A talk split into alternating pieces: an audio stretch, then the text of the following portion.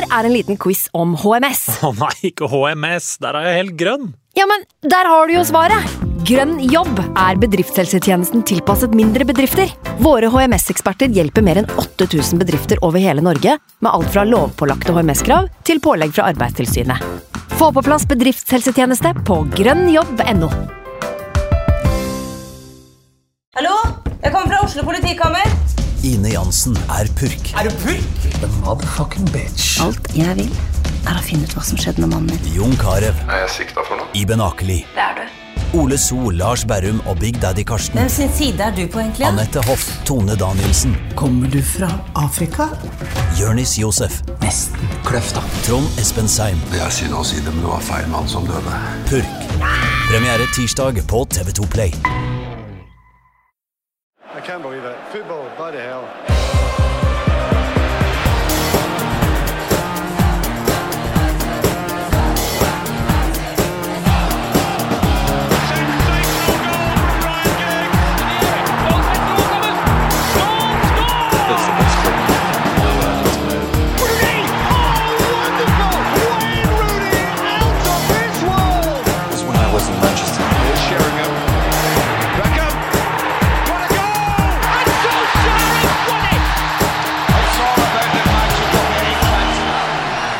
Velkommen skal du være til en ny episode av United We Podcast. Jeg heter Ken Vasenius Nilsen. Vi er endelig tilbake i eh, studio igjen. Det er veldig deilig. Får se hvor lenge det varer, da, for nå eskalerer det kraftig her. Så kanskje det er en liten one-off om vi er tilbake på Skype igjen neste uke. Det vet jeg ingenting om. Men vi får kose oss mens vi sitter her. Anders eh, Serener, journalist i Nettavisen, velkommen skal du være. Takk skal du ha. Godt å ha deg her igjen. Du var en stund siden sist. Vært på skadesiden. Du har vært på skadelista. Ja, ja. Det har ikke vært greit i det hele tatt. Blir gammel mann. Prolaps. Det på- det var rett og slett en prolaps. Ja. Ja, og det, var også, det hadde jeg sist jeg var her òg, i 2019. Så Det stemmer, det. ja. Du er en, eh, en Du har litt sånn eh, Ledley King-aktig fysikk, kanskje? Altså, Vet du hva, det er akkurat det legene sier. ja. Det er det de sier, ja. Ja. Eh, hva tenker du om det du har sett av Manchester United denne sesongen? her da? Nei, altså, hva tenker man? Det er jo det er vanskelig å klage når vi er på en andreplass uh, i Premier League, men um, det er jo alltid ting å ta, så klart. Uh, noen kamper som bare ikke skal skje. Tap, irriterende poengtap. Um, men en, en, det er jo en utvikling, så vi får holde oss fast i det. Fredrik Filtvedt fra Dagbladet er også på besøk. Hallo, Fredrik. Hei. Veldig hyggelig å ha deg her igjen også. Um, er du enig med Anders at det er en utvikling? Hva, hvordan ser du på United i år kontra som det var forrige sesong, f.eks.? Ingen tvil om at de er i utvikling, og så er det fortsatt mange ting som kan utvikles. Eh, Så fremgangen er der, og så er det mye som eh, jeg mener bør bli bedre. Men eh, andreplass, da bør man jo være fornøyd, egentlig. Ja, men er det liksom på en måte sånn For jeg tror alle hadde vært enige av det at hvis vi hadde sett på dette her i fjorårssesongen, så hadde vi tatt den pakka vi har fått, på en måte. Men hvor langt unna, sånn som du ser det, er man Liverpool, selv om de nå ligger bak på tabellen? Og ikke minst Manchester City, da, som jo er solklart best akkurat nå.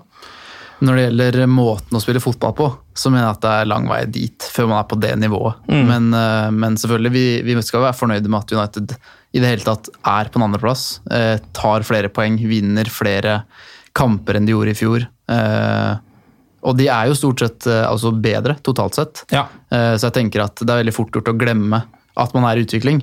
Eh, Så jeg syns man skal huske på det og være fornøyde med det. Og så er man også avhengig av at man fortsetter å se den utviklingen, for for det går jo sakte. Jeg syns jo det. Ja, du syns det? Du syns Jeg, det, jeg du. syns det, ja.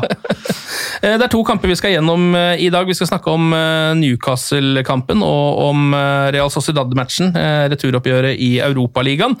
Tenker kanskje vi kan ta det kronologisk ja, og begynne med kampen mot Newcastle.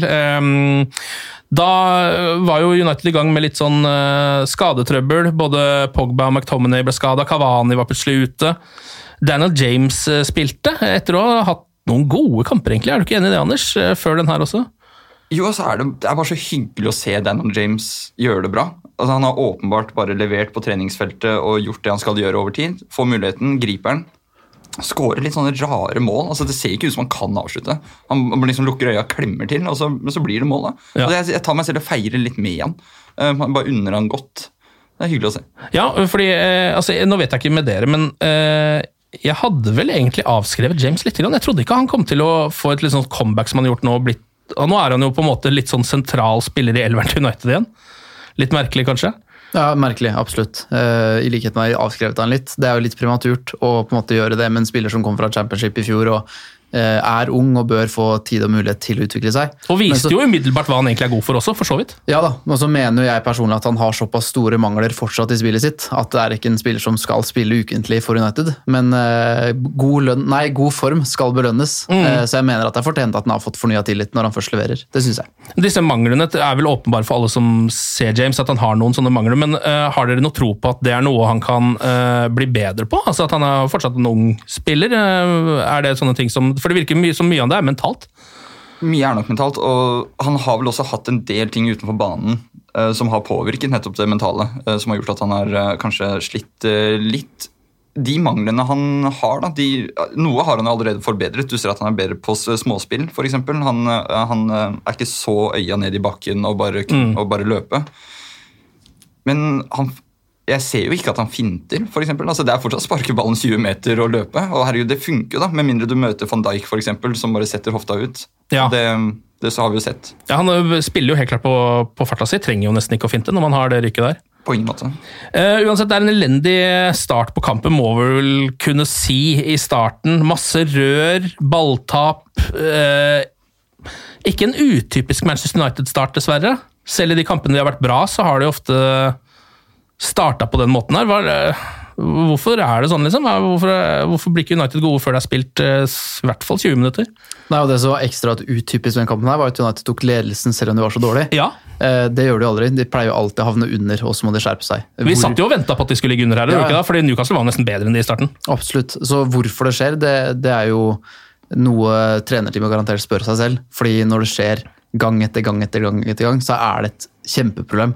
En ting er at de ikke er skrudd på fra start, og, og liksom det, det, er, det, det skjer fra tid til annen, men når det er så gjentagende, så er det et kjempeproblem som de må prøve å finne ut av hvorfor skjer gang etter gang. Det er jo veldig, merkelig, fordi det er jo veldig sånn utypisk et engelsk lag også.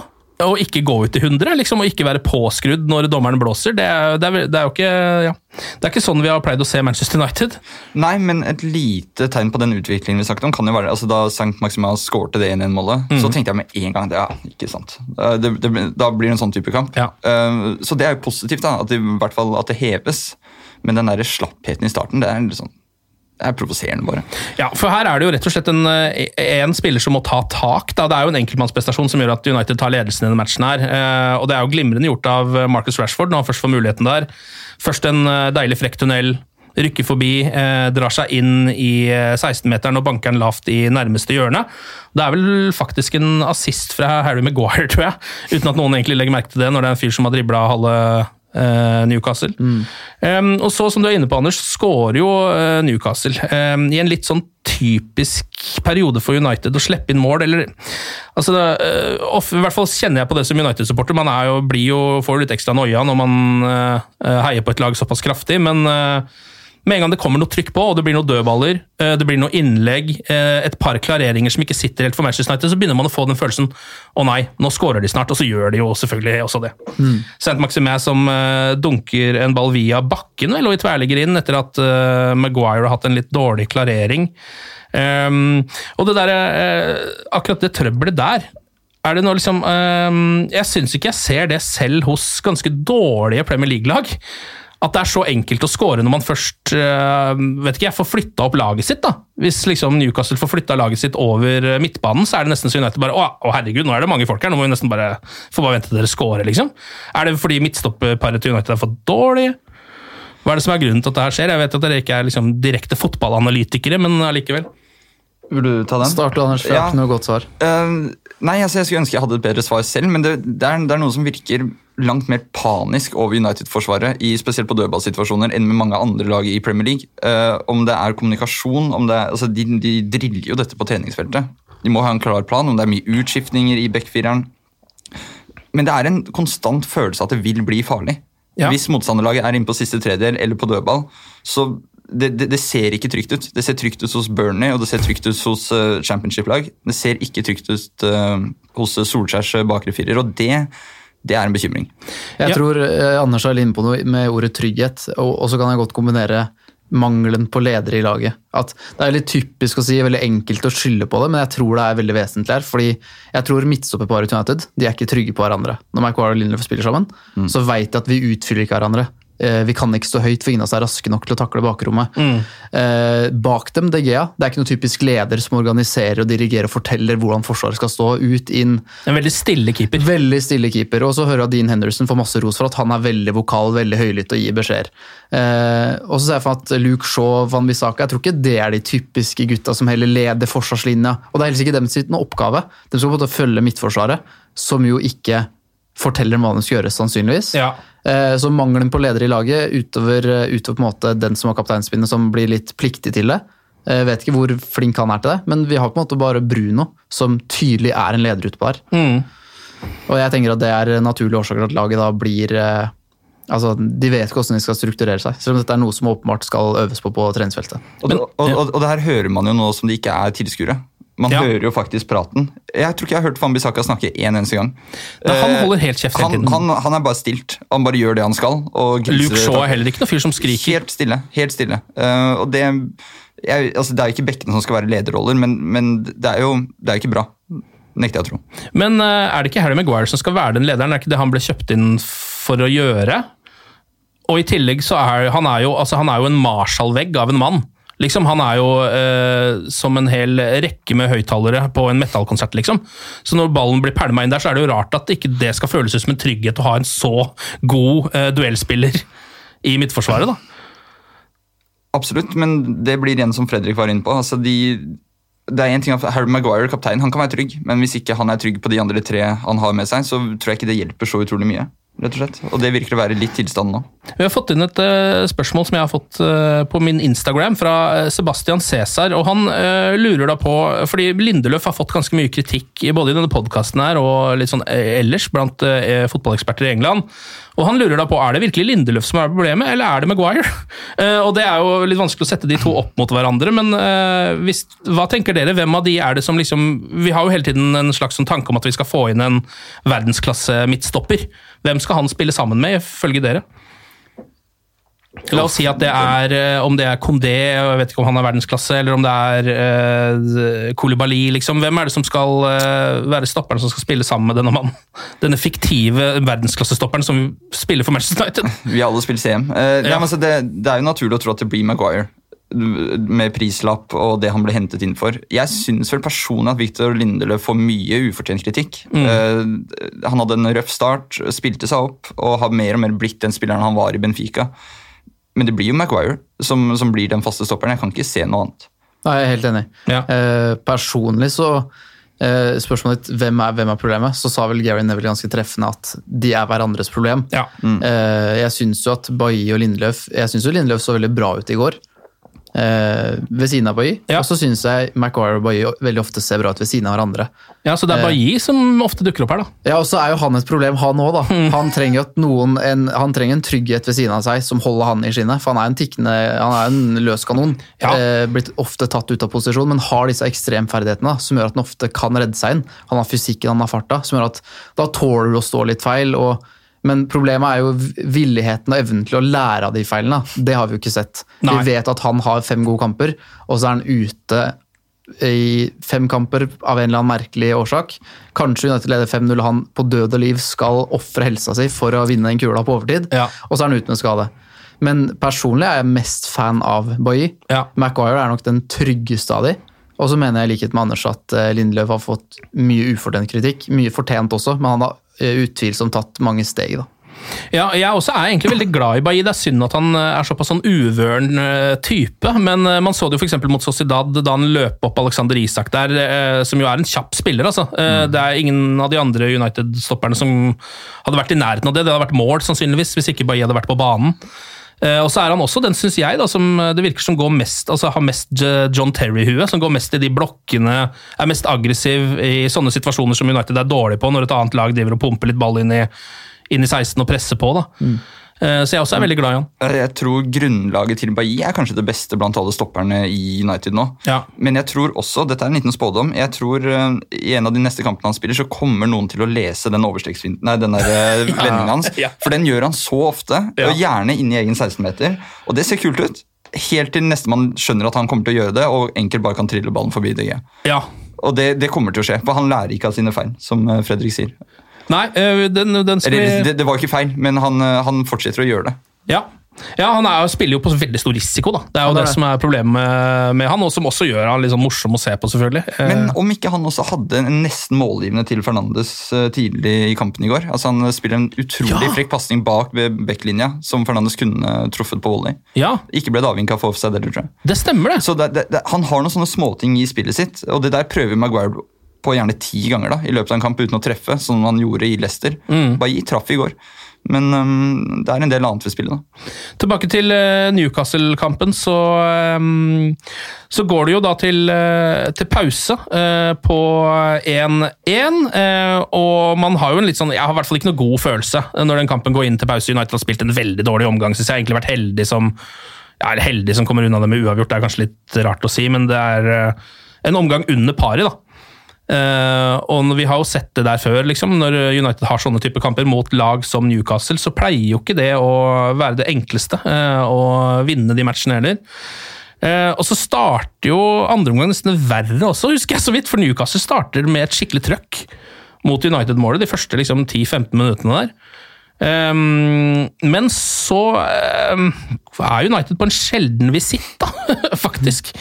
Ehm, Matic drar seg liksom litt inn eh, mot 16-meteren, eh, slår en pasning som det ser ut som går direkte på en måte nesten til James, men det er jo selvfølgelig Bruno Fernandes som skal inn der og ha seg noen målpoeng, så han er så vidt borti den. Daniel James eh, får den og setter den jo for så vidt ganske kontant og sikkert i nærmeste hjørne. Ehm, I en sånn situasjon hvor Marcus Rashford bommer ti av ti ganger. For det er for lett sjanse for Marcus Rashford å score på. Og så er det 2-1 til Manchester United. Ehm, og det er jo deilig, det, men nesten, jeg vet ikke, det kommer nesten litt overraskende for meg, faktisk. At de skulle på en måte ta tilbake ledelsen i den matchen såpass lett. Ja, for det kommer i en periode som du sier, hvor Newcastle har dominert. Ja. Og følelsen fra første minutt til fram til det er at dette blir et nytt poengtap. Ja. En, nok en sånn prestasjon. Så det man absolutt skal ta med seg fra den forestillingen, er at United evner å vinne på en svak dag. Ja. Ja, de har kontroll fra de tar ledelsen og kampen ut. Ja, det er det. Eh, Siste halvtimen er kontrollert og sånn passe god. Eh, Men første timen er tidvis skrekkelig. Ja, Energiløst, helt ukontrollert. De er ikke påskrudd i det hele tatt, som jeg prata om tidligere. Eh, Så evnen til å vinne disse kampene, det er jo en utvikling. Så får vi se, se om det fortsetter å skje, da. at det ikke bare var et engangstilfelle. Mm. Men eh, det syns jeg man absolutt skal ta med seg. Ja, for det var jo en utypisk United-seier, egentlig. På veldig mange måter, øh, dette her. Um, det er et par sånne småsjanser etter det. Først så har Fred noen helt grusomme feilpasninger, husker jeg. eh, som han kan ha i noen ganger. Spesielt kanskje hvis det er litt slapt i laget, så virker det som at han, øh, han også er en av de som ja, blir dratt ned, da, sammen med resten av røkla. Var det den kampen hvor det nesten ser ut som man kan se en sånn rødt på sidelinja? Han bare slår, litt sånn i blinde, Ja. hvor det ikke er noen. Ja. Så står han åh, ja. Utrolig irriterende å se på. Ja, det er flere pasninger som rett og slett ikke er på vei noe sted. Altså Som bare er sånn, nå må jeg bare spille fra meg ballen uh, på et eller annet vis. Um, Martial blir bytta ut etter 69 minutter, etter en, nok en middels øh, forestilling. Hva skal vi si om Antonin Martial?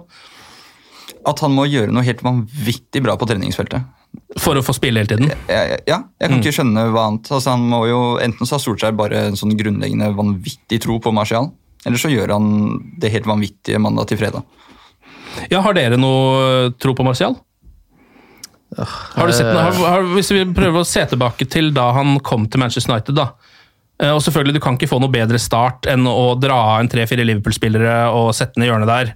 Og så har han jo hele den sesongen der, og under van Gaal-æraen så var jo han liksom nesten den eneste man kunne stole på. Da var han jo bra, rett og slett. En, så han ut som kunne bli en skikkelig klassespiller. Og da spilte han på kanten, eh, stort sett. Eh, Nå er han spiss, skårer ikke mye mål, skaper lite, mister mye ball, ser uinteressert ut. Er det liksom Uh, Har klokka tikka for Antonio Marcial i Manchester United?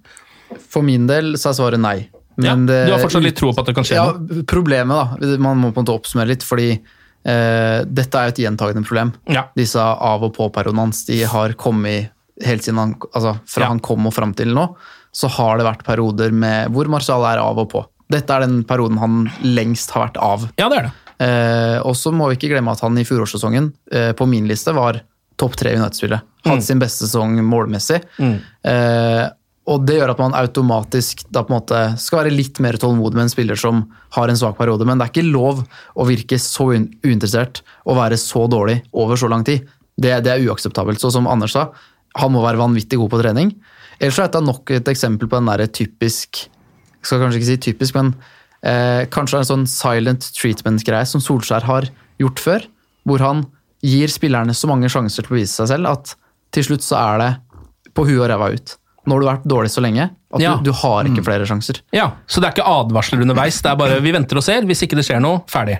Hva som skjer på treningsfeltet eller på kontoret, det, det aner jo ikke jeg. Men at dette har på en måte skjedd før, at en, en spiller som eh, supporterne vil ha på benken eller ute av troppen, gang etter gang får sjansen, og plutselig er han ute en kjempelang periode. Kanskje blir han lånt ut, kanskje blir han solgt. Og så tenker man hæ, han hadde en sentral rolle på laget, hvorfor er han plutselig Ja. solgt? Det gir ingen mening for oss. Det er sånn typisk at nå, nå, nå tester kanskje Solskjær. Hvor lang tid skal det ta før du faktisk tar oss og stepper opp? Eller så må jeg bare kvitte meg med deg. Ja, for Det var nesten litt sånn han gjorde med Jesse Lingard. Lingard fikk jo spille masse Nettopp. under Solskjær ganske lenge, eh, men så kjøpte de jo Bruno, da, og da var det jo liksom sånn Da var det jo ja, eh, rett ut på utlånslista. Men det er jo kult for Martial å få prøve den varianten her også. Altså Tidligere så har han jo hatt en dårlig periode, også ut av laget under Mourinho f.eks. Får masse kjeft, øh, kasta under bussen selv om han ikke spilte og alt det der. Nå får han jo prøve seg kamp etter kamp etter kamp, og så ser han bare så uinteressert ut. Ja. Og så skjønner jeg at det er sånn han er, det, er han, så det har vi blitt fortalt mange ganger. ja, Han var sånn da han var god. liksom. Ja, ikke sant? Og Berbatov har snakket om det da han var 16 i Monaco og, og så ut som Messi. Hadde fortsatt det ansiktsuttrykket. Vi skal ikke legge for mye i det. Men det er jo irriterende. Vi er enkle skapninger. Det er irriterende å se en fyr spille på topp for Manchester United og se ut som han heller ville vært hjemme da, sett på serie. Ja, ja det er jo det, litt av det som er problemet med, Marcial òg. At han er jo ikke sånn som eh, Edison Cavani, som kan ha en dritdårlig kamp hvor han egentlig liksom touchen ikke sitter og han bommer på alle sjansene sine, men han løper fortsatt, og kombinasjonsspillet hans vil sannsynligvis fortsatt sitte ok. Eh, Det gjør det jo ikke hos Antony Martial. Det er liksom akkurat som at det, um, I de periodene hvor han ikke er i form, så får han jo fortsatt masse masse ball. Men det skjer jo aldri noe når han får ballen, for han mister den jo hver gang. Nei, men så, Når vi sier at Cavani har hatt en dårlig kamp, så har han også antageligvis skapt tre-fire halv eller gode sjanser bare ved løp. Ja. Bare ved at han har tatt de løpene og åpnet rom for andre. Det ser vi jo ikke fra Martial i like stor grad. Jeg, jeg syns han har blitt mye bedre på, på å holde på ballen.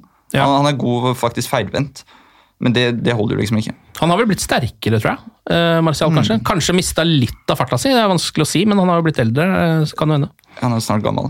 Men eh, Han er snart gammel, ja.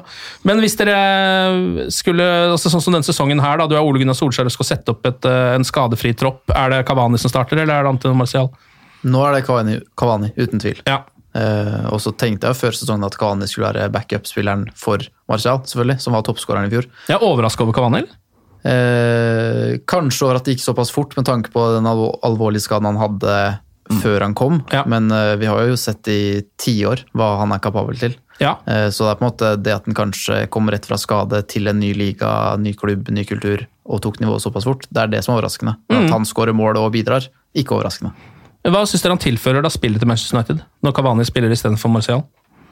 Nei, altså det er jo den viljen, da. Um, altså han, han står ikke stille et sekund, og du hører at han er mer vokal. Også, Ja. Jeg vet ikke hvilket språk han snakker, om noen andre skjønner det, men han er i hvert fall, han sier ting. Um, og han skårer mål, da. Han, han skårer sånne, sånne teite, nydelige spissmål. Ja. Han bare er der, som Cavani skal være. Og det var litt sånn usikkert, blir det en Zlatan eller blir det en Falcao? Jeg syns Cavani har vært utrolig imponerende, faktisk. Han har jo også virkelig som tatt noen av de unggutta i United litt under vingene. Du ser jo hele tiden at han uh, har små beskjeder til eh, Greenwood og til og med Rashford også. Eh, tips på hvordan de burde løpe og den slags ting, som jo er noe han mestrer eh, mer enn noen andre. da. Så vi får håpe at de hører etter også, eh, de unggutta. Eh, tilbake til matchen igjen, så er det jo bare én ting til å snakke om, og det er at United skårer et mål til. Matic nok en gang som egentlig som starter Um, starter greiene. Han er nok en gang og drar seg inn i 16, litt sånn som han gjorde på ehm, målet til James. Uh, denne gangen så får Rashford ballen, finter, faller, får straffe. Eh, den ser liksom litt, litt billig ut, men greit, eh, så vidt jeg kan huske. En liten touch på, eh, på Marcus Rashford. Og Bruno Fernandes skårer selvfølgelig. Um, og der syns jeg Hva er det Darlow driver med der? Husker dere, det- husker dere det straffa? Gå, veldig godt spørsmål hva han driver med. Har ikke noe godt svar på det. Det så, det så veldig spesielt ut. Det ser nesten ut som Bruno finter han bare med at han ikke helt vet hva slags type straff han skal ta. Om han skal ta det der eh, hoppesteget, eller om han skal gå sakte, eller bare banken, så ser du at Darlow er ikke helt sikker når skal jeg slenge meg nå, egentlig. Så når er det det skjer noe? Han, hopper hvor egentlig bare, han hopper egentlig bare rett fram og ut, uten å Ja. egentlig gjøre noe Han hopper bare rett fram ut, så hvis, Ja. hvis eh, Bruno hadde satt den over, så hadde han fått ta den på nytt. Fordi Ja. han er så langt utafor streken, Darlow, at det er jo altså, Han gjør alt feil da, på den straffa der. Det så jo litt ut som sånn glitch in the matrix. Altså som Han liksom, han sto og hakka litt, og så bare føyk han ut. Ja. Rett fram. Og så klager han jo etterpå også. Eh, ja. Og bare sånn Hæ, herregud, hva er det der for noe? Det der må tas på altså, Han mener at den straffa der er ugyldig, eller noe sånt. da. Eh, og Bruno begynner jo bare å le, for det er jo ja, Men kanskje det er en taktikk? da? Bare få straffa tatt om og om og om igjen. Helt til han faktisk bommer. ja, helt han faktisk bommer. Nei, Det var noe av det rareste jeg har sett. Um, vi kan jo også ta med oss at um, mannen som vi lenge trodde het uh, Shola Shortire, som jo Solskjær nå har vært ute og lært oss at heter uh, Shola Short, Shora Tirey. Shora. Ja, uh, Han kom jo inn her, 17 år gammel, um, litt før eh, slutt. Det er jo, Han får ikke gjort noe særlig, så vidt jeg kan huske, men uh, det er i hvert fall godt å se at unggutta får litt uh, muligheter. Absolutt. Og det var eh, match mot Newcastle. Litt heldig seier for Manchester United. Um, Eller heldig og heldig, men i hvert fall en seier da, som er helt grei, som vi kan ta med seg videre. Uh, viktig også, siden Leicester fortsetter jo bare å vinne, så um, det hadde vært litt kjedelig å miste den andreplassen nå også, tenker jeg. Absolutt. Jeg vet ikke hvor mye, det, liksom, hvor mye dere legger i det, men jeg syns det er litt stas hvis Solskjær kan gjøre det i hvert fall like bra som Mourinho gjorde i sin beste sesong. I løpet av en sesong. Uten tvil også tror jeg det er litt hyggelig for United-supportere å minne, minne seg selv på det i løpet av sesongen. Det er jo greit, det er så som så, men det er jo andreplass. Altså, hvor, hvor ille kan det være? Ja, og Manchester City er jo, nå får vi se om dette er sesongen de faktisk skal vinne Champions League, men det er jo et av Europas liksom, topp tre lag, tror jeg. Når de er på sitt beste. Det er ikke noe tvil om det. Det er ikke noe syk ting å si det. Nei, det er ikke noe syk ting å si det. Det. Vi går videre til Real Sociedad-matchen. Um, en kamp hvor United jo leder 4-0 fra oppgjøret i Torino, eh, som jo da var bortebanen. Så de har fire bortemål, og det skal jo litt til for å ryke ut her. United starter jo med et eh, litt annerledes lag enn de ville gjort hvis det hadde vært en veldig viktig kamp, men eh, fortsatt ganske sterk elver. Bruno er kaptein, som jeg liker å se. Er dere litt eh, enige eller uenige i påstanden Bruno Fernandes burde være Uniteds kaptein? Eh, vanskelig å være uenig, men så tenker jeg at eh, det virker som han på en måte tar den rollen han har uansett. da. Ja. At han trenger ikke bind rundt armen. Kanskje det er en annen som trenger den for å kunne tørre å ta den rollen. Ja. Mm. Så da, da blir det automatisk flere ledere, da, ved at, ved at Bruno ikke har det.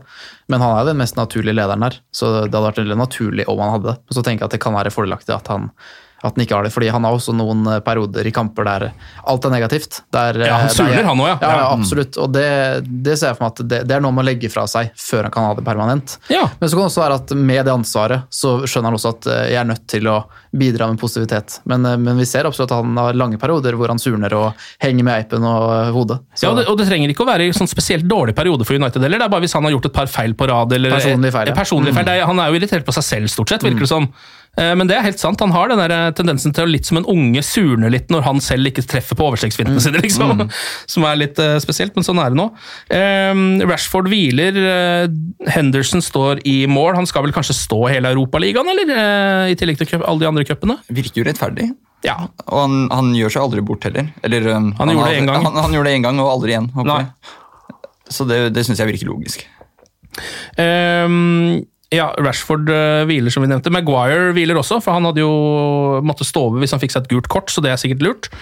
Bailly eh, starter, men verken Shora Tiray eller Diallo eh, eller noen av de andre liksom, spennende unggutta var det litt, eh, eller var det litt overraska over at ikke Solskjær liksom gambla litt mer, eller prøvde litt mer i den elveren, eller? Eller tenker du at han ja, måtte trygge det hjem, at det kunne gå til helvete også, dette her? Jeg ble veldig overraska da jeg så elveren. Ja. Eh, fordi i lang, lang tid så har man venta på når skal Solskjær tørre å spare Bruno.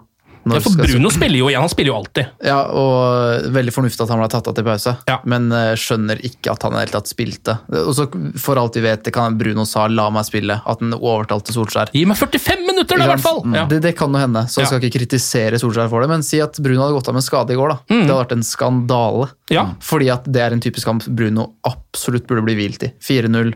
eh, United hadde aldri klart å rote bort det der. Det kunne sikkert blitt spennende. Sånn Hvis de hadde putta på straffa si, så kunne det blitt litt ekkelt. Ja. Eh, men eh, overraska over hvor sterkt United stilte. Mm. Og litt kjipt at eh, ingen av disse unggutta fikk starte, men veldig gøy at Ahmad fikk en halvtime. Mm. Veldig spennende at han andre med det navnet jeg ikke gidder å si, også fikk komme inn. Ja, eh, jeg er enig i det. det er, jeg hadde også liksom kanskje håpet å se et litt mer, sånn, litt mer spennende førsteelver, da, med litt mer eh, rare innslag, hvis man skal kalle, kalle det det. Eh, men litt sånn som du var inne på, så får du jo dette straffesparket ganske tidlig i kampen, og vi har jo eh, sett sånne type Champions League-kamper før, eh, om det er Barcelona-PSG eller liksom lignende matcher hvor en sånn scoring, jeg husker ikke hvor, hvor tidlig det var, sånn 11 minutter eller noe sånt. Ja. Daniel James litt klønete, faller bare opp på beinet til en Sociedad-spiller. Typisk sånn Pogba-straffespark, sånn som Pogba har lagd en del av. Det er akkurat Så det jeg ble veldig irritert, men uh, få håpe han lærer av det. For det er så utrolig unødvendig. Ja, det er så klønete Ja, ja. han driver med der. Skikkelig junior-tabbe. Ja, det er det. Ja, og. Ehm, og det er, kan man jo også si om straffesparket da, til Miquel Oyarzabal, uh, stjerna til Real Sociedad, som visstnok aldri hadde bomma på et straffespark i hele sin karriere. Helt til han prøvde Bruno å hoppe. Ja. Og det er dummeste jeg har sett. Og skulle vippe den opp i krysset der, og det Ja. gikk jo slett ikke veien, det. Nei, ikke det hele tatt. Uh, og det var, tror jeg var litt bra, fordi eh, ja, jeg har litt følelsen av at uh, Du så jo at United var ikke helt var, Den kampen her var liksom Det var litt treningsøkt for de. Tror ikke de var, Det var i hvert fall ikke påskrudd her, liksom. Eh, så hvis de hadde ligget under der, og Sociedad hadde fått seg litt eh, vind i seila, så kunne det blitt skummelt, dette her. altså. Ja, da kunne det blitt skummelt, men dette var en av de United-kampene hvor du etter to minutter skjønner at det er en sånn type kamp. Ja. Det, når det blir en sånn gjennomkjøring, og det er ikke noe guts, det er ikke noe ingenting. Og da gjør det jo lagvalget enda mer spesielt for meg, i hvert fall. Ja, for Ja. ta tanken min hvis, med, med det sterke laguttaket var at kanskje dette er for å få en ordentlig gjennomkjøring. Oppladning til Chelsea. Nå øver vi på den inngangen vi skal ha der. Nå kjører vi et relativt likt lag som gjør at vi får en, eh, en, fin bein, en fin kamp i beina før den, så at vi øver på det vi skal gjøre når vi møter Chelsea. Eh, men det skjedde jo ikke. Så Derfor blir laguttaket merkelig for min del. da. Ja, jeg kan skjønne litt hva du mener. Um, for jeg får virkelig ikke håpe at dette her var en slags generalprøve til Chelsea-matchen, for det lover jo ikke så bra i det hele tatt, egentlig. Um, det kom jo trippelbytte i pausen, da, og det er kanskje litt av grunnen også til at, uh, hva skal man si, at Solskjær safer litt med laget sitt, for han vet jo at han kan bytte fem spillere i Champions League. Som jeg syns fortsatt er veldig rart, fordi det gjør så veldig mye med en kamp når du kan bytte halve laget. Altså det er jo Halve utespillerne kan du faktisk bytte ut og sette inn nye. I løpet av liksom en håndvending så kan du jo gjøre om på hele dritten. Bytte mellom en hel haug med formasjoner og gjøre en masse greier. Eh, Det tror jeg kan liksom kanskje ja, eh, få en litt viktig eh, en litt viktig rolle i videre Champions League-spillet, da, når det begynner å bli ordentlig jevnt. Europa, Europa League, dessverre. Ja, dette dette Europa var Ja. Eh, sant. Det er mange United-sportere som kommer til å kjenne den i hjertet. Ja. Ja. Episoden ja. om Champions League-prat gjennom en time. Ja, det er jo for så vidt de samme reglene i begge da. turneringer, da. Men uh, det der synes jeg er litt merkelig, for det er sånn som i pausen her så er det jo trippelbytte fra begge lag. Som jo man aldri, tror jeg aldri har skjedd. Det kan jeg ikke tro at det har skjedd noe særlig før. altså. Nei, Det er ganske spesielt. det er et godt poeng. Ehm, og det gjør jo noe helt klart med kampene. Eh, United tar ut uh, Aram Bissaka, setter inn Williams, tar ut uh, Bruno og setter inn uh, Rashford, som da får kapteinspinnet i en halv match. Og Tuan Sebe kom inn for Fred, uh, og det er vel greit, for Fred hadde jo gult kort, og husker jo hvordan det pleier å gå når han får lov å spille hele matchen med det gule kortet sitt. Ehm, Aksel Tuan Sebe spiller på midtbanen, gjør han ikke? Jo, gjorde det. Hva, hva, hvordan syns dere det gikk? Eh, Det er jo en rolle han har bekledd opp gjennom åra på diverse U-lag og reservelag. Eh, Så ikke noe ukjent rolle for han sånn sett, men, men han slår meg ikke som den typisk trygge ballspilleren som er komfortabel i en sånn rolle. Nei. Men jeg syns han kommer greit fra det. Det er vel fordi at det er så mye skader at han rett og slett tar sjansen på å prøve han litt nå, i tilfelle han kanskje må spille mot Chelsea, eh, eller framover, da. Siden Matic og Pogba og Nei, ikke Matic, Pogba og McTominay i hvert fall, mm. er ute, og Van de Beek også. Um, og så er det jo egentlig liksom uh, ikke så veldig mye som skjer i denne kampen her. Uh, Tuan Sebe skårer riktignok et mål på et tidspunkt, som ved første øyekast er bare sånn shit, det der er bare mål, det er ikke noe vits å gå til var på dette, for det er, man ser ikke at det skal være noe å hente. Nydelig corner av uh, Alex Telles, eh, som jo har en god venstrefot. Jeg syns han gir litt ekstra på det, selv om Luke Shaw sine innlegg har begynt å bli veldig mye bedre, så kan Tuans, eller Telles slå dem fra litt lengre avstand. Han pisker de inn. Han pisker de virkelig er Den eneste Altså. fotballspilleren jeg har noen gang sett som tar corner med den tennislyden. At Ja. han, det, er, det er så mye kraft at han Ja. Ja, du hører Det er sant, det. Eh, Tuan CB krangler seg først og er eh, viljesterk og sterk, eh, og header ballen rett i nota. Eh, Men så kommer jo reprisen, og vi ser at Victor Lindeløf har MMA-knea. eh, En av Sociedad-spillerne rett i huet. Så det er vel grei annullering. Ja, at han evner å diskutere det med dommeren og Hvorfor gjør han det? Sikkert litt flau, da. Sikkert litt pinlig Ja, han ødela jo på en måte et mål. Han gjør det. eh, Helt meningsløst. Men det som også er fascinerende, er å se hvor høyt Lindrev hopper i den situasjonen her. Det er en Ronaldo-spenst på Ja, det. hvorfor gjør han ikke det i egen boks, der han gang på gang på gang eh, blir litt for, eh, blir litt for liten? Ja. Ja, så han har det tydeligvis, tydeligvis i seg, da. bare Ja. til litt feil uh, tidspunkt. Ja, eller ja, altså, Hvorfor har vi ikke sett han gjøre dette her før og kanskje truffet ballen med hodet, da, for en gangs skyld? Um, det, er det er nesten litt rart. Jeg trodde virkelig ikke han hadde så bra spenst. Nei, Det er imponerende. så han fikk jo vist seg fram Ja, her. han gjorde det. på en måte. Det ble, kjente nok Real Sociedad-spilleren, tenker jeg. Ja, ja, det så jo ikke bra ut. Jeg, Victor Lindeløf giljotin move. Det var liksom, det så så rart ut òg. Det er helt unødvendig. Men eh, ja, nylig inngrepen. ja, det var veldig, veldig merkelig opplegg. Det var rart at han, han spilte jo videre, Sociedad-spilleren, så vidt jeg kan huske, som er litt rart. Han fikk den jo rett i skallen. Eh, Bruno har en i tverrliggeren også i løpet av matchen, som vi jo eh, kan eh, nevne. Eh, Da er det vel Fred, faktisk, som går på et eh, løp, får ballen, drar seg forbi keeper, spiller tilbake til Bruno, som setter den i tverrliggeren fra ja, skrått 16-meteren omtrent. Eh, Men det ender jo da selvfølgelig da til slutt 0-0. Eh, Etter et par litt sånn halvspennende bytter, Shora Tiray eh, kom jo inn for Mason Greenwood, og blir jo faktisk den eh, yngste United-spilleren i en europeisk turnering noensinne. Eh, Med sine 17 år og 23 dager er det vel han er, tror jeg. Noe sånt noe. Eh, Så det er jo vakkert, det. Eh, Uansett 0-0. Trekninga begynner nå etterpå. Den får vi akkurat ikke med oss, dessverre. Det sant. Men det kan jo bli alt fra Molde til Tottenham og Milan, det. Ajax er vel oppi potten der også. Så tenker dere at det blir en god gammel dritvanskelig trekning for United, sånn som det pleier å bli? Ja, så klart. Ja. Ja da. Og eh, ikke Molde. Det, det vil man vel ikke ha. Det er jo tap-tap. Det er jo ingenting å vinne med det. Alf, altså, det er jo krise å ryke ut. Det er ikke gøy å møte Molde. Nei, jeg skjønner jo det var jo Hvis du skjønner mener. hvor jeg vil. At uh, Ja. det er en seier. Da skal man knuse Molde. Ja. Det skjer jo ikke. Nei. Det blir sikkert jevnt og spennende, sånn som i København. Og så, Ja, det er sant, det. Uh, så eh, det er nesten sånn Nei, det er enkelt på papiret, men uh, nei, det er så pinlig å ryke ut. Ja, Så du vil da- helst ikke ha Molde? Nei, nei. nei. Hvem- Jeg skjønner at nordmenn syns det er gøy, men eh, for, eh, for United sin del så er det sånn Jeg hadde syntes det hadde vært gøy hvis vi faktisk kunne dratt til Molde. Så hadde det vært et poeng at de hadde møtt Molde, på en måte. Da hadde det vært deilig. Men det er en tap-tap-greie. Ja da, jeg, jeg syns det. Ja. Og så skjønner jeg om folk er uenig i det. Så du vil heller ha eh, AC Milan eller Tottenham eller eh, Ajax eller en av de andre litt større lagene? Eh, gjerne en overkommelig, litt kul motstander, sånn som Slavia Praha og sånn, syns jeg bare er gørrkjedelig. Ja. Eh, så jeg vil jo gjerne at de skal, det, viktigste er jo at det tar seg videre, Ja. og så gjør det ingenting om man får litt underholdning eh, i samme slengen. Så, Sånn sett hadde jo AC Milan vært ganske kult. da. Ja. Kan vi få litt den nisseluestemninga med Hauge og Solskjær? Ja, og ikke minst Zlatan Ikke tilbake minst, Paul Trafford. Nettopp. nettopp. Ja, Det hadde vært eh, deilig. Det kan eventuelt vente litt til en sånn type semifinale eh, med et så stort lag også. Hva, er det dere, hva er det dere vil ha når det gjelder trekning? Er det så lett enkelt som mulig, eller er det underholdning viktig også? Nei, altså øh, Vanligvis så vil jeg ha et eller annet som havner midt imellom. Altså et øh, mellomgodt lag som United skal slå. Eh, type, Nå husker jeg ikke alle lagene som er med her, da, men øh, nå røk jo Hoffenheim mot Molde, men det hadde vært sånn typisk Hoffenheim. Fint, De- de tar vi. Um, nei, vi får se hvordan det der eh, går. Idet folk får hørt dette, så er det sikkert klart uh, hvem United skal møte ja. uansett. Kan jo også nevne, det glemte vi å si, det var noe du nevnte i stad, Anders, at øh, kampen mot Sociedad er nok den første United-kampen noensinne som, hvor United har to øh, spillere fra Elfenbenskysten på banen samtidig. Av alle rare fakta. Det kan godt hende at jeg tar feil. Jeg har ikke sjekket opp. Jeg Men kan det- ikke tenke meg at øh, altså, ja. Det eneste jeg husker fra Elfenbenskysten som har spilt for United, er jo Wilfred Saha, og han var jo brite da han spilte i United. Mm. Eh, nå var det altså Diallo da, og Bailly. Og de hadde til og med med flaggfargene rundt armen. Han hadde det, Ja, ja. ja. Det er deilig, det. Kult. Skal vi ta noen rykter, eller selv om eh, det er jo en stund til dette kan eh, realiseres, om det noen gang kommer til å gjøre det, men det er jo litt gøy å snakke om, uansett. Definitivt. Um, Max Aarons, Norwich-bekken, eh, talentet, kobles til United. Han er 21 år gammel og er vel en spiller som veldig mange er ute etter, så vidt jeg har skjønt. Ikke sett så mye av han selv, jeg har ikke sett så mye med Norwich-kamper i det siste.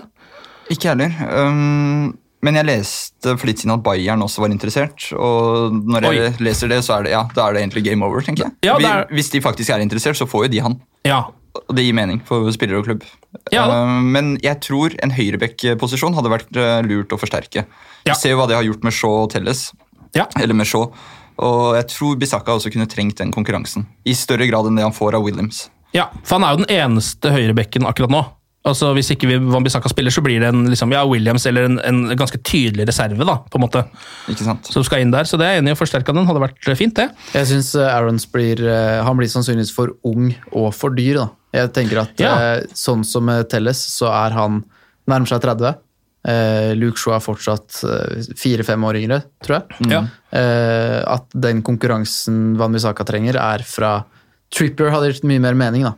Ja, En litt mer etablert spiller. Ja, kanskje, altså sannsynligvis litt billigere. En som uh, at, at du skal ha to unge talenter, da. Bamisaka er bare 22-23, Mm, kanskje ikke det engang. Uh, og da kjøpe en direkte konkurrent som er i samme alder for mye penger, det syns jeg gir mening. Da er det mye Nei. mer mening å få inn Trippier som Jeg tipper det hadde skjedd hvis ikke han hadde hatt den utestengelsen sin i januar. Mm. Da var det, det lå på en måte veldig kort korta da, fram til han ble utestengt for gambling-greiene sine. Ja, for det er jo også vanskelig altså en, øh, ja, en såpass ung spiller som um, Aarons også, da, som jo eh, på en måte akkurat nå begynner å komme opp mot sitt best, sine beste år. på en eller annen måte. Han vil jo sikkert spille ganske mye, vil jeg tro, så det er litt vanskelig å, ha, å veksle mellom to uh, ja, talenter som er like gode av den typen, kanskje. Ja, og Du betaler ikke 35 millioner pund for en høy, eh, ung, talentfull høyrebekk som skal være i et rotasjonssystem. Nei, og det er jo det de krever for han. Ikke sant. Men det gjør vi på midtbanen med van de Beek. Ja, For så vidt. jo, øh, det kjøpet var jo litt merkelig sånn Ja, generelt. Ja, det er litt vanskelig å forstå seg på, kanskje. Ja, hvordan, øh, jeg vet ikke, altså Det er lenge siden vi har snakka om uh, Van de Beek her nå, men øh, hva tenker dere om det kjøpet sånn generelt? Har dere følelsen at det er et Solskjær-kjøp, eller et øh, hva skal man si, styrekjøp?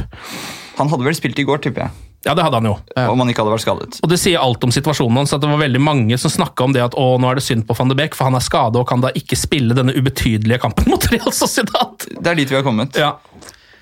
Nei, Angående kjøpet hans, han, så øh, jeg har ingen fasit, men øh, jeg tror Grealish var øh, førstevalg. Mm. Eh, jeg tror Solskjær i lengre tid har visst at Pogba forsvinner. Ja. Eh, når, Grealish, når Villa da redda plassen, så ble Grealish for dyr. ja. Eh, da måtte man eh, finne et nest beste alternativ, som da sannsynligvis var Van de Beek. ja. Et lett tilgjengelig alternativ. Ja. Godt samarbeid Eh, mellom klubbene og.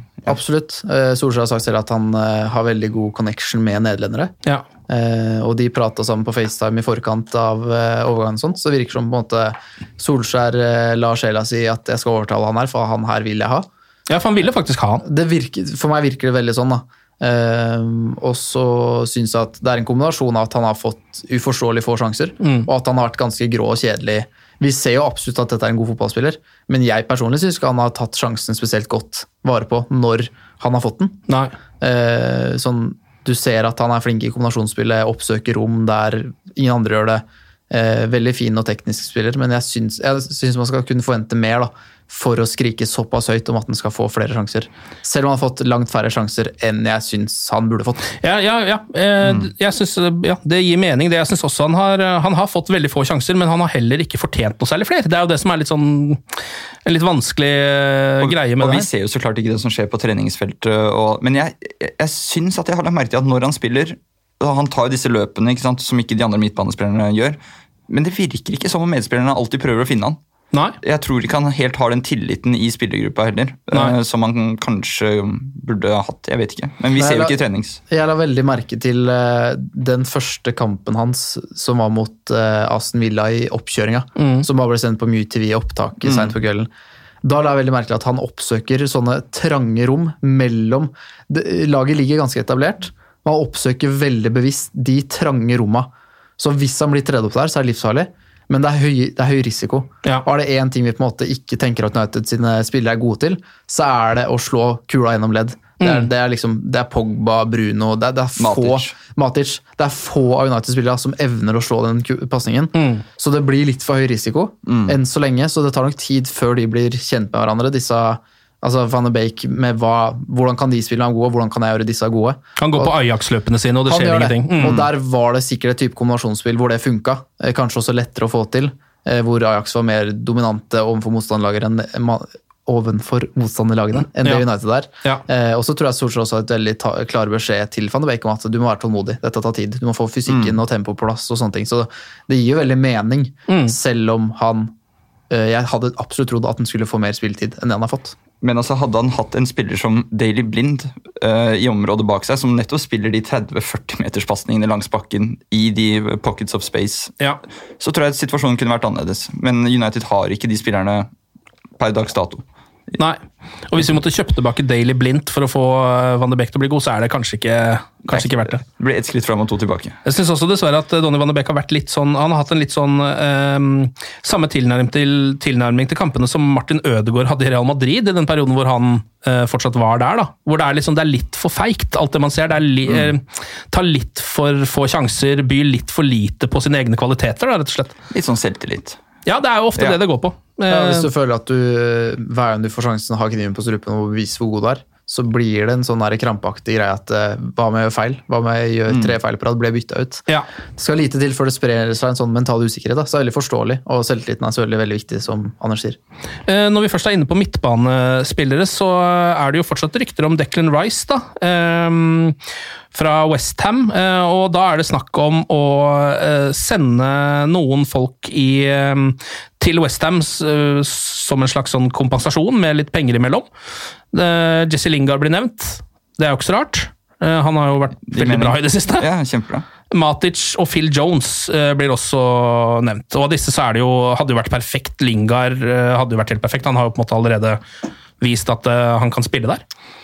Så hvis vi får noe igjen for det, tenkte jeg det er jo nesten litt sånn Jeg føler er en liten sånn hva skal man si, nesten litt sånn litt, litt flaks, liksom. At det er bare sånn, ja, Vi sendte Lingard dit, og så ble han helt eh, Ronaldinho. og Nå kan vi plutselig få Declan Rice litt billigere. Vi får håpe at det kanskje skjer. Jeg vet ikke, Hva tenker dere om Declan Rice?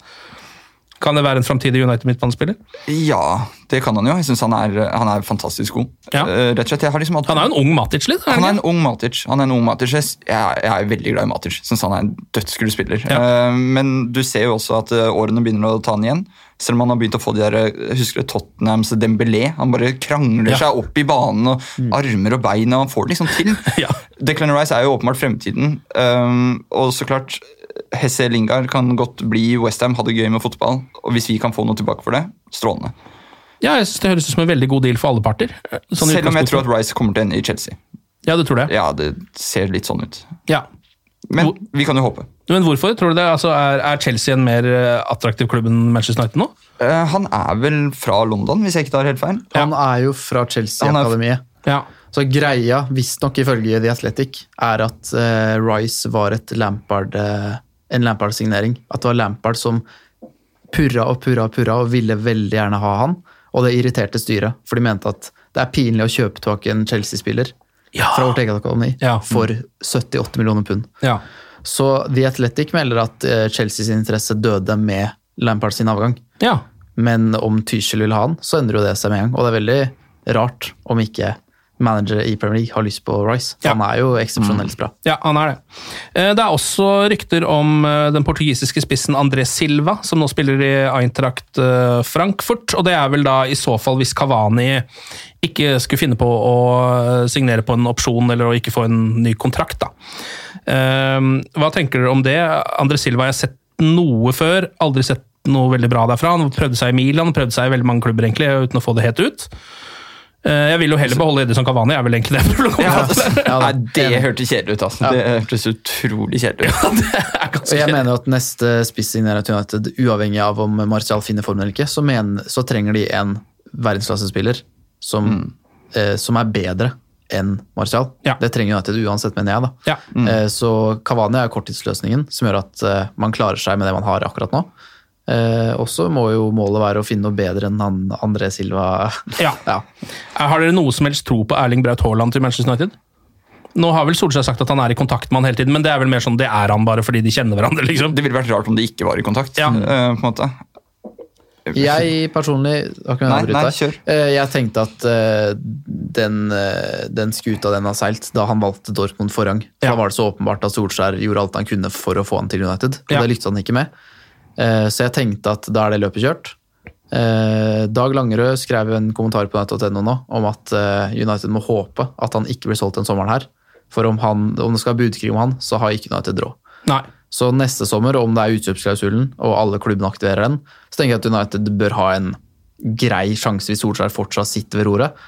Men om Real Madrid, Barcelona, PSG, disse store klubbene, så tenker jeg at igjen at løpet er kjørt for United sin del. Ja. ja, den der blir jo litt vrien, fordi ehm, eh, hvis man skal vente på den utkjøpsklausulen Nå er det vel sånn at den eh, Er det ett år til den Angivelig. angivelig Ja. ja, aktiveres. aktiveres? Og da blir han jo billig. altså Da, blir det jo, da er det jo nesten ikke noe å tenke på engang, på en måte. Nei, nei, da, da, da legger man jo inn det budet. Ja, åpenbart, og men, men om han ikke blir solgt i sommer, så vil det nesten overraske meg om ikke Dortmund prøvde å få inn noen nye betingelser også. Altså, Ja. få til, fordi det, det gir jo ikke mening at han skal kunne gå såpass billig. Hvis han fortsetter å levere på det nivået han gjør nå, så tror jeg Dortmund kommer til å gjøre alt i sin makt for å skaffe en bedre utkjøpsklausul. Men jeg tror jo at en av grunnene til at han gikk til Dortmund, var jo at han fikk disse klausulene i kontrakten sin, som United nekta å gi han. Ja. Eh, og så har det også vært snakk om, så har det også vært snakk om at eh, Raiola skulle ha betraktelig mye mer penger fra United enn fra Dortmund for at Haaland skulle velge United. ja. Men United er jo veldig flinke til å skylde på agenter, og at det er agentenes feil når de ikke får spillerne de vil ha. Så jeg vet ikke hvor mye vi skal legge i det, men det har vært snakk om at det var en del klausuler som Team Haaland og Raiola ville ha i Ja. kontrakten, som eh, United overhodet ikke fant seg. i. Og dermed ble valget veldig enkelt for eh, Team Haaland. Ja, ikke sant. Og, og det er vel kanskje det som eh, går mest imot en eh, potensiell Haaland til United-overgang, er nettopp Raiola. Sånn jeg ser det. Altså det. Det forholdet der er så skjært mellom klubb og agent. Og, og hele surret med Pogba altså det har nok eh, det har vært en påkjenning for United-styret. Ja. Og Solskjær også, som har sitte der uke etter uke. og Selv om Pogba sier at jeg, vet du, jeg er så drittlei, altså. jeg er keen på å dra, så må han sitte og forsvare spiller og uke inn og uke ut. Det, det tærer. Det tærer. Ja. Og det, jeg vet ikke om de har lyst til å binde seg til det en gang til. Nei, eh, altså jeg har jo følelsen at hvis uh, Erling Braut Haaland ender opp i Manchester United, så er det jo for altså, Sånn som standingen til Manchester United som klubb er per akkurat nå, da, så må, da må det være fordi at han har veldig lyst til å spille akkurat der. Tror jeg, da. For Solskjær. Ja, For Ole Gunnar Solskjær og for akkurat Manchester United. Uh, altså Det må nesten være en sånn type overgang, hvor man liksom snapper han uh, foran klubber som på en måte i anførselstegn er bedre stilt. Absolutt, og Solskjær teaser jo litt. da. Altså Han kommer jo med kommentarer her og der. ja, 'Vi holder kontakten, og jeg håper Haaland husker den praten vi hadde'. og det, er- altså Han gir jo sånne drypp av håp. eh, om han gjør det bevisst eller om han bare kødder med oss, det, det er litt vanskelig å si. det var veldig vanskelig å si. kunne, jo, vi kunne jo tolke i alle retninger da Solskjær sa eh, Haaland veit hvor han skal, han, før han valgte Dortmund. Mm. Da ble det sånn Å ja, da blir United, da. Eller hva, hva mener Solskjær egentlig? Så han sier jo ting som virkelig kan tolkes. Ja, han gjør det. Nei, Vi får se. Det hadde jo nesten vært litt for gøy hvis han hadde endt opp i Manchester United. Det, det hadde, ja. Men for, for å avslutte den, så tenker jeg at eh, skulle United valgt Haaland nå, så ser jeg også for meg at det hadde blitt klausuler. Fordi United sportslig er såpass langt bak de, de beste i verden at Haaland Skulle valgt United nå, så er det fordi at han en mellomdestinasjon før han skal videre til det aller aller øverste. Ja. Ellers må det være at han drar til en kjempestor klubb nå, som er bedre enn United, og at om to-tre år så er United der oppe, de òg. At det da kunne blitt aktuelt. Men Ja. det tror jeg ikke skjer. Altså, ja at det, det blir litt sånn som da Real kjøpte Cristiano, liksom. Uh, ja, jeg skjønner hva du mener. Da skal man ta noen steg i løpet av noen år, hvis det skal bli Men sånn. United bør ha en spiss. Det, Det, det, det, det, tror jeg vi kan være enige om. En, en ordentlig nier som ikke er 38 år. Nei, nå er jeg. Cavani er 33 eller noe sånt, men eh, Ja, men altså, det, det, er jo, det er jo ikke så mange av de spissene heller, da. Altså, Hvem har vi, liksom? Du har uh, Robert Lewandowski. Han er, begynner jo å dra litt på åra, han også, selv om han er i sin prime akkurat nå. absolutt. Uh, du har Erling Braut Haaland. Uh, Det er Mbappé og Haaland da, som virkelig Ja. skiller seg ut, men eh, og Kylian Mbappé er det jo altså, Altså, det, er det er ikke vits å snakke om. Men han, eh, det godeste Martinez i Inter Ja, han er bra. Han jeg, han har litt Ja. den profilen kanskje, som jeg ser for meg ville passet på Old Trafford. Ja. Um, men om han er interessert i det, og hva Lukaku sier til han, det aner jeg ikke. Men uh, han er en sånn s- spisstype uh, som jeg tror faktisk ville kledd det United-laget her. Ja, det kan jo hende. Eh, jo, men da, samtidig så er det jo da, da kjøper de jo på en måte en spiss som er litt dårligere enn Lukaku, da, som de nettopp hadde. Eh, på en, altså sånn Hvis man bare ser ja, på det En, statistiske. en annen spillertype, da, også. Ja, og, det er han. Og Lukaku kunne, det, det bare stemte ikke helt, rett og slett, i United. Men det var en fin breakup. Det var sånn hvor begge parter var enige om at uh, nå går vi liksom hvert til vårt. Ja. Og Jeg synes det var en helt fin greie. Hvor mener dere behovene er størst, da? Hvis United skal hente Altså, Hvor bør man begynne? Ja, akkurat nå, med liksom når vi har uh, Cavani som fungerer som spiss for United, uh, og Martial i bakhånd som jo kan komme i form, forhåpentligvis, så tenker jeg at det er det jo høyrekanten som jeg tenker først på. Høyrekant og midtstopper er liksom de to tingene som dukker opp hos meg. Uh, Enig, bare motsatt rekkefølge, egentlig, for min del personlig. Ja, Eller at United skal tekke den bakerst først, men uh, den høyresiden er jo så godt som død. ja, Ja, det, er det, det. det skjer jo ikke noe der. De spiller jo konsekvent på venstre side, fordi de har ikke noen høyre side. nei. De har en uh, Beck, Van Bissaka, som uh, han utvikler seg, men han er ikke i nærheten av god nok til at han kan drive den høyresiden alene. United har ingen ren høyrekant. Mason Greenwood er god, han er ikke noe, han er ikke noe høyrekant. Nei, det er bare en sånn midlertidig posisjon til han. Han er sånn der fake høyrekant. Ja. Altså, som Ja. alltid vil trekke inn i banen. Altså, han, han vil jo alltid gjøre det samme, og så har han ikke det X-momentet heller. Mm. Som det- Arin Robben ville hatt, f.eks. Ja. Uh, en ordentlig god, gammeldags høyrekant. En Jaden Sancho, om du vil. Uh, Ja, han er hadde god. vært, ja, han, er, han kan spille lærkule. Ja, han kan spille. Så det har vært, eh, Høyrekant burde være en pri. Jeg mener også at en spiss burde være helt der oppe. Altså. En målgarantist tror jeg United kunne trengt. Ja, det er det ikke noe tvil om. Nå kommer det jo eh, ganske mye mål fra andre folk enn spissene, heldigvis. Bruno er jo på en måte en slags målgarantist akkurat nå. Absolutt. Men det kan, kommer jo ikke til å fortsette inn i evigheten, det heller, Nei, vil jeg tro. Eh, Men det er vel eh, Jules Kundé som er eh, i hvert fall den som dukker opp oftest nå i ryktespalten når det kommer til midtstoppere. Sevilla-stopper, atletisk, ganske rask, i hvert fall det jeg har sett. Jeg har ikke sett han så mye, men han virker jo god, han. De franske unge midtstopperne er jo alle dritgode. De har så mange midtstoppere de at det er jo bare å plukke en av de, så skal det ordne seg i noen år, det. absolutt. Så vi får se hvordan det der eh, går. Sevilla har jo blitt hardt ramma av korona, eh, men det har jo også Manchester United. Så spørsmålet er jo om det i det hele tatt kommer inn noe som helst til sommeren. Det er jo ikke, slett ikke sikkert, det, Anders. Nei, altså det, Jeg tror vi bare må glemme de der store signeringene som man håper på uansett. Um, og Det er jo en grunn til at Amadiallo Amad ble henta, for også ganske mye penger. Altså Han var jo ikke billig. Nei. Um, så det, og du ser jo akademiet, altså det bygges jo for fremtiden. Altså Hvis du ser hva United har gjort de siste årene på overgangsmarkedet, så ser du at de, um, de tenker langsiktig. Mm. Og akkurat nå med koronasituasjonen, så det er, jeg, det er vanskelig å se for seg en storsignering uten at det går noe stor... altså, Pogba kommer nok til å forsvinne, da. Ja. Det ser jeg på som nesten sikkert, og da vil jo Solskjær få en del av det da, til overgangsbudsjettet. Men jeg vet ikke, jeg, Fredrik. Eh, Det var jo snakk om at United la inn bud på rundt 90 millioner pund for Sancho så var den som var. Eh, og de penga ble jo tilsynelatende på en måte ikke brukt.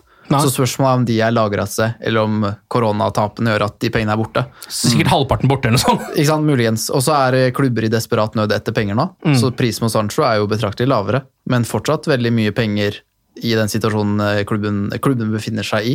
Eh, Så jeg er enig i at eh, det er vanskelig å se for seg en ordentlig storsignering, men jeg, tror tror United kanskje kan strekke seg til én. Ja. Mm. Skal det bli en storsignering og en midtstopper, som jo også kommer, er dyr, så må det noen ut. Og det er nærliggende å tro at Pogba er den som skal gi litt klingende mynt i kassa, da. Men eh, det, det blir ikke satt overgangsrekorder eh, denne sommeren her. Nei, og Problemet blir jo at hvis Pogba går ut, så må du jo ha en midtbanespiller. Så da får man plutselig ikke dekket inn noen av de hullene som man egentlig skulle brukt de pengene på. da. Um, hvis ikke en, både McTominay og Fred uh, fortsetter å være drita gode, liksom.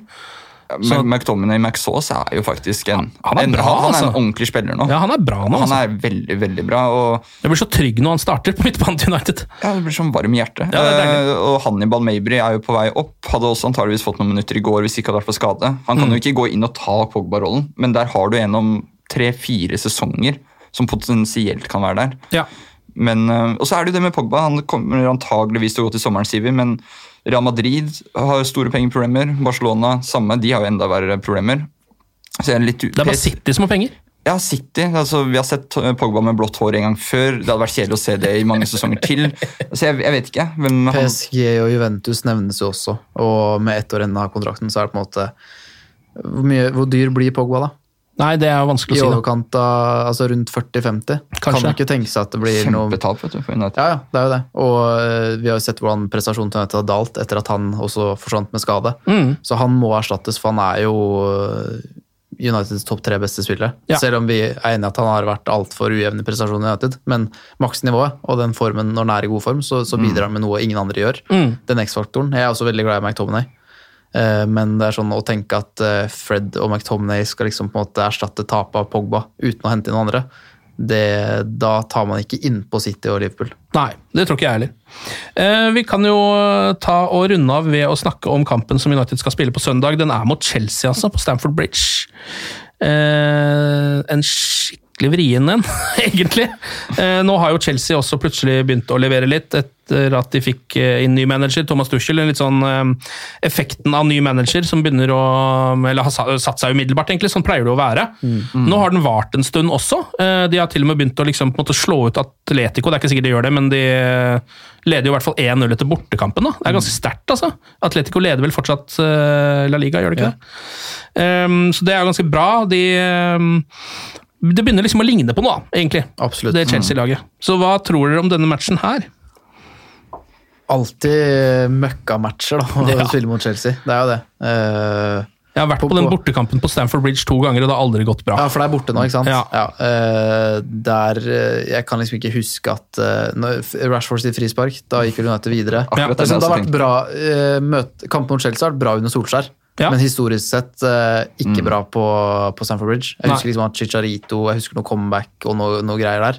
Mm. Men uh, det er sånn kamp man går inn i med ekkel magefølelse, og spesielt etter at Tyskland tok over. For det, det ser veldig solid ut, det Ja. de bygger der borte nå. Jeg tenker alltid at United på Stamford Bridge er automatisk tap. Uh, Det er sånn det er mentaliteten, men så tok jeg en titt. Altså, det er jo ganske lenge siden United tapte mot Chelsea i Premier League. Husker du når det var, eller? Jeg tror det var 2019, Ja. faktisk. Ja. Så det er en liten stund siden. Jeg Ja. tenker at eh, alle kamper mot Chelsea er bare tap. Eh, United vant vel 4-0 i serieåpningen i fjor. ja. Det var jo, Så- men det var jo en veldig rar kamp, eh, rett og slett. Ja, da tar vi en rar kamp til, da. Ja. Det, eh, men jeg, jeg, jeg tror ikke United-supportere er optimistiske på veien den kampen her. Nei, også mye pga. de skadene. da. Det er jo problemer på midtbanen der plutselig nå, eh, med Pogba og McTominay ute. Ehm, så det må Jeg vet ikke om Tuan Sebe skal spille på den midtbanen der, eller hva, hvordan de har tenkt å eh, komponere dette laget. Jeg tipper Matic, tenker jeg. Jeg, syns Matic skal spille. Det ser Ja. så trygt og solid ut. Matic og Fred. Eh, De rir av stormer med Matic på banen. Sånn, det virker bare så trygt og solid. Han veit når, når de skal holde ballen i laget uten å rushe fram. Med, med Matic på banen mot Everton tipper jeg at hadde vunnet. Mm. Eh, Så jeg vil se Matic, egentlig. Eh, Så tipper jeg eh, McTominay er klar. Uten Ja. at jeg har sjekka opp i det nærmere, men vi får nok ikke se Tuan CB med mindre det er ordentlig krise. Så skal vi ikke svartmale det, fordi United er veldig god eh, borte, sånn statist, stati- statistisk. Ja. De, eh, de tar flere poeng borte, de eh, taper nesten aldri borte. Har god statistikk mot Chelsea under Solskjær. Mm. Så det er absolutt håp her, selv om det er naturlig å på en måte Chelsea som er på gang eh, og er i god form, så er det en veldig ekkel bortematch. Starter James igjen. Eh, det- Han gjør sikkert det, da. Ja. Både litt fordi at han er i form, eh, har spilt bra i de kampene han har spilt. eh, Og ikke minst fordi det er vel en sånn type kamp hvor United kanskje ser for seg at det skal kontres litt. Antageligvis. Og ellers så tenker jeg at laget setter seg selv. Altså det, det er det vanlige Solskjær-laget. Ja. Shaws eh, går nok foran Telles, Ja. Ja da. vil jeg tro. Så fortsetter Maguire og Lindelöf. Ja. Mm. så, Men vil dere se James, eller tror dere han starter? Eh, nå, eh, nå er det litt vanskelig å Eller sånn, jeg, jeg tror han starter. Ja. Men Eh, vil du at han skal starte? Jeg er litt usikker, fordi nå er det jo vanskelig å si nei, også siden han har faktisk har levert litt i det siste. Han er jo i en ok form. Men, men- jeg, synes syns liksom at Sånn til vanlig syns jeg ikke han har god nok kvalitet til å starte for United Nei. mot Chelsea. Nei, for som vi snakket om at du skal få belønning for uh, når, du, når du presterer godt, men så er det litt den James har nesten en litt egen skala, da, spør du meg. Ja. Liksom Når James er god, så er han god på sin egen skala. Ja. At eh, Han er rask, men hvor mye raskere er han enn Greenwood og Rashford, som spiller på den andre kantene? Mm. Eh, hva bidrar han med som ikke de bidrar med? Ja. Eh, hvilke X-faktor har han som ikke de har? Det, liksom, jeg jeg syns at det ser mye mye farligere ut da, med Greenwood og Rashford på, på hver sin kant enn med James. Og så Ja. er det et spørsmål fordi at James har vist den gode formen han har gjort. Er det nok til å få starte? Jeg syns, jeg syns ikke det. Men jeg syns det er veldig oppløftende at han tilsynelatende har tatt steg, utvikla seg, og at han har fått noen gode opplevelser nå. Det syns jeg er veldig fint. Men det er jo også litt fordi uh, at Greenwood er jo en ganske trå form nå, mm. syns jeg. Altså, det er jo ikke um, Han har hatt, jeg jeg syns han har hatt ganske gode kamper i det siste, Ja. men han er jo han øh, virkelig måltørke. Ja. Han ser jo vaksinert ut mot å skåre, Ja. uh, men det er jo ikke primært der James heller historisk sett bidrar. Nei. Selv om han nå har litt flyt, da. Lokker øya og klinker til, og så, og så scorer han mot Newcastle. Så det er litt sånn litt flaks, men han, han leverer jo det han skal. Eh, så Greenwood syns jeg er en mye bedre fotballspiller, utvilsomt. Ja, ja, det er ikke Ja, altså det, det vet vi jo også. tror jeg Vi hadde sett så mye kulere ting fra Greenwood på høyrekanten hvis han hadde hatt en bedre makker. Altså en bedre høyreback. Noe med overlap, noe med litt Ja. småspill der ute.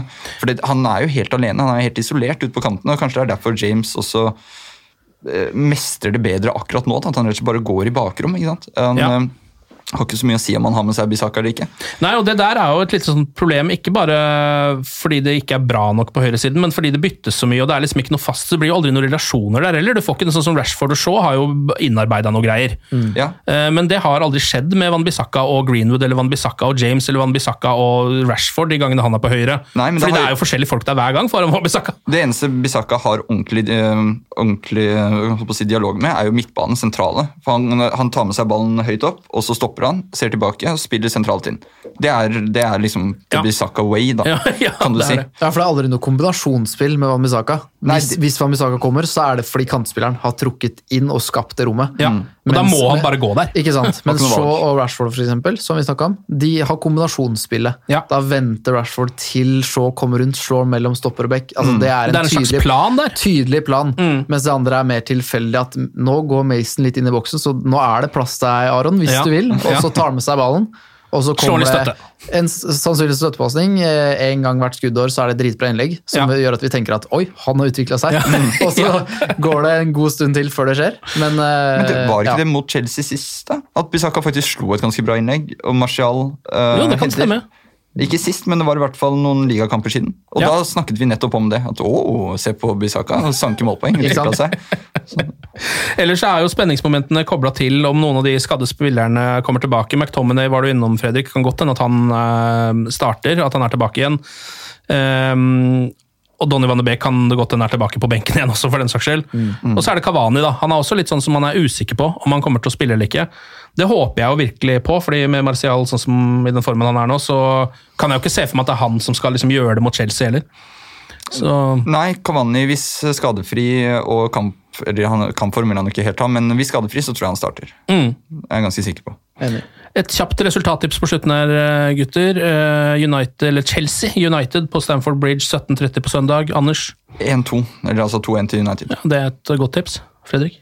Jeg har en kjip fyr som heller 1-1. 1-1, ja. ja. Den er ikke så dum heller. Jeg melder eh, 0-1, ja. altså en 1-0-seier til Manchester United. Dette klarte vi bra. Den kommer tidlig, etter to minutter.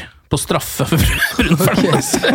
Han må ta den to ganger, faktisk. Ja, ja. Men allikevel, det blir mål til slutt. Deilig. All right, eh, Anders og Fredrik, eh, tusen takk eh, for eh, besøket. Vi snakkes eh, ved neste korsvei, som det heter. Takk for at du var med. Og glory, glory.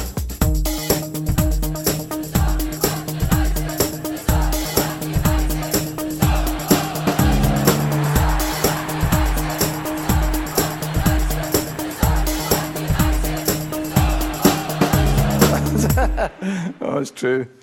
I've seen many things. Moderne media. Ukens annonsør det er matkasseleverandøren Hello Fresh. Der kan du velge mellom 25 ulike oppskrifter hver uke, eller få Hello Fresh til å sette sammen en meny for deg.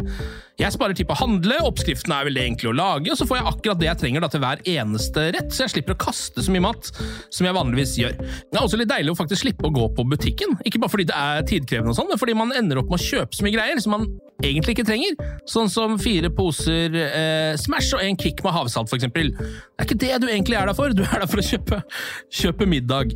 Så det er en veldig eh, kjekk ting. I tillegg så er det jo eh, ferdigporsjonerte ingredienser, det blir mindre matsvinn, og du betaler bare for det du faktisk trenger, og det du faktisk da spiser. I tillegg så blir det da levert på døra til et eh, fastsatt tidspunkt, sånn at du kan få det akkurat når det passer for deg eh, sjæl. Hvis HelloFresh høres ut som noe for deg, så har jeg en rabattkode du kan bruke også. Gå inn på hellofresh.no og bruk koden HelloUnited24. HelloUnited i ett ord, også 24, og få opptil 1779 kroner i rabatt på de fem første matkassene dine hvis du ikke har prøvd HelloFresh ennå. Du kan også bruke koden hvis du tidligere har vært kunde, men har stoppa abonnementet ditt for tolv måneder siden eller mer. Det er ingen ingen bindingstid, og du kan pause eller avslutte abonnementet ditt akkurat når du selv måtte ønske. Husk koden HelloUnited24, og bon appétit! Ukens annonsør er Folio, en smartere banktjeneste for deg som har en egen bedrift eller ønsker å starte for deg selv.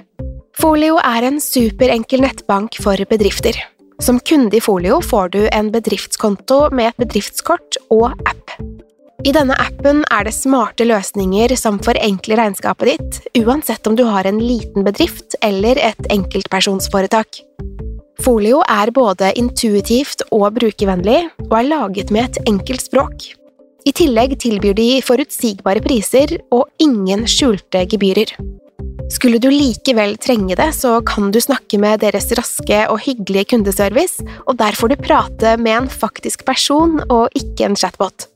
Folio er med andre ord både enklere og koseligere enn banken.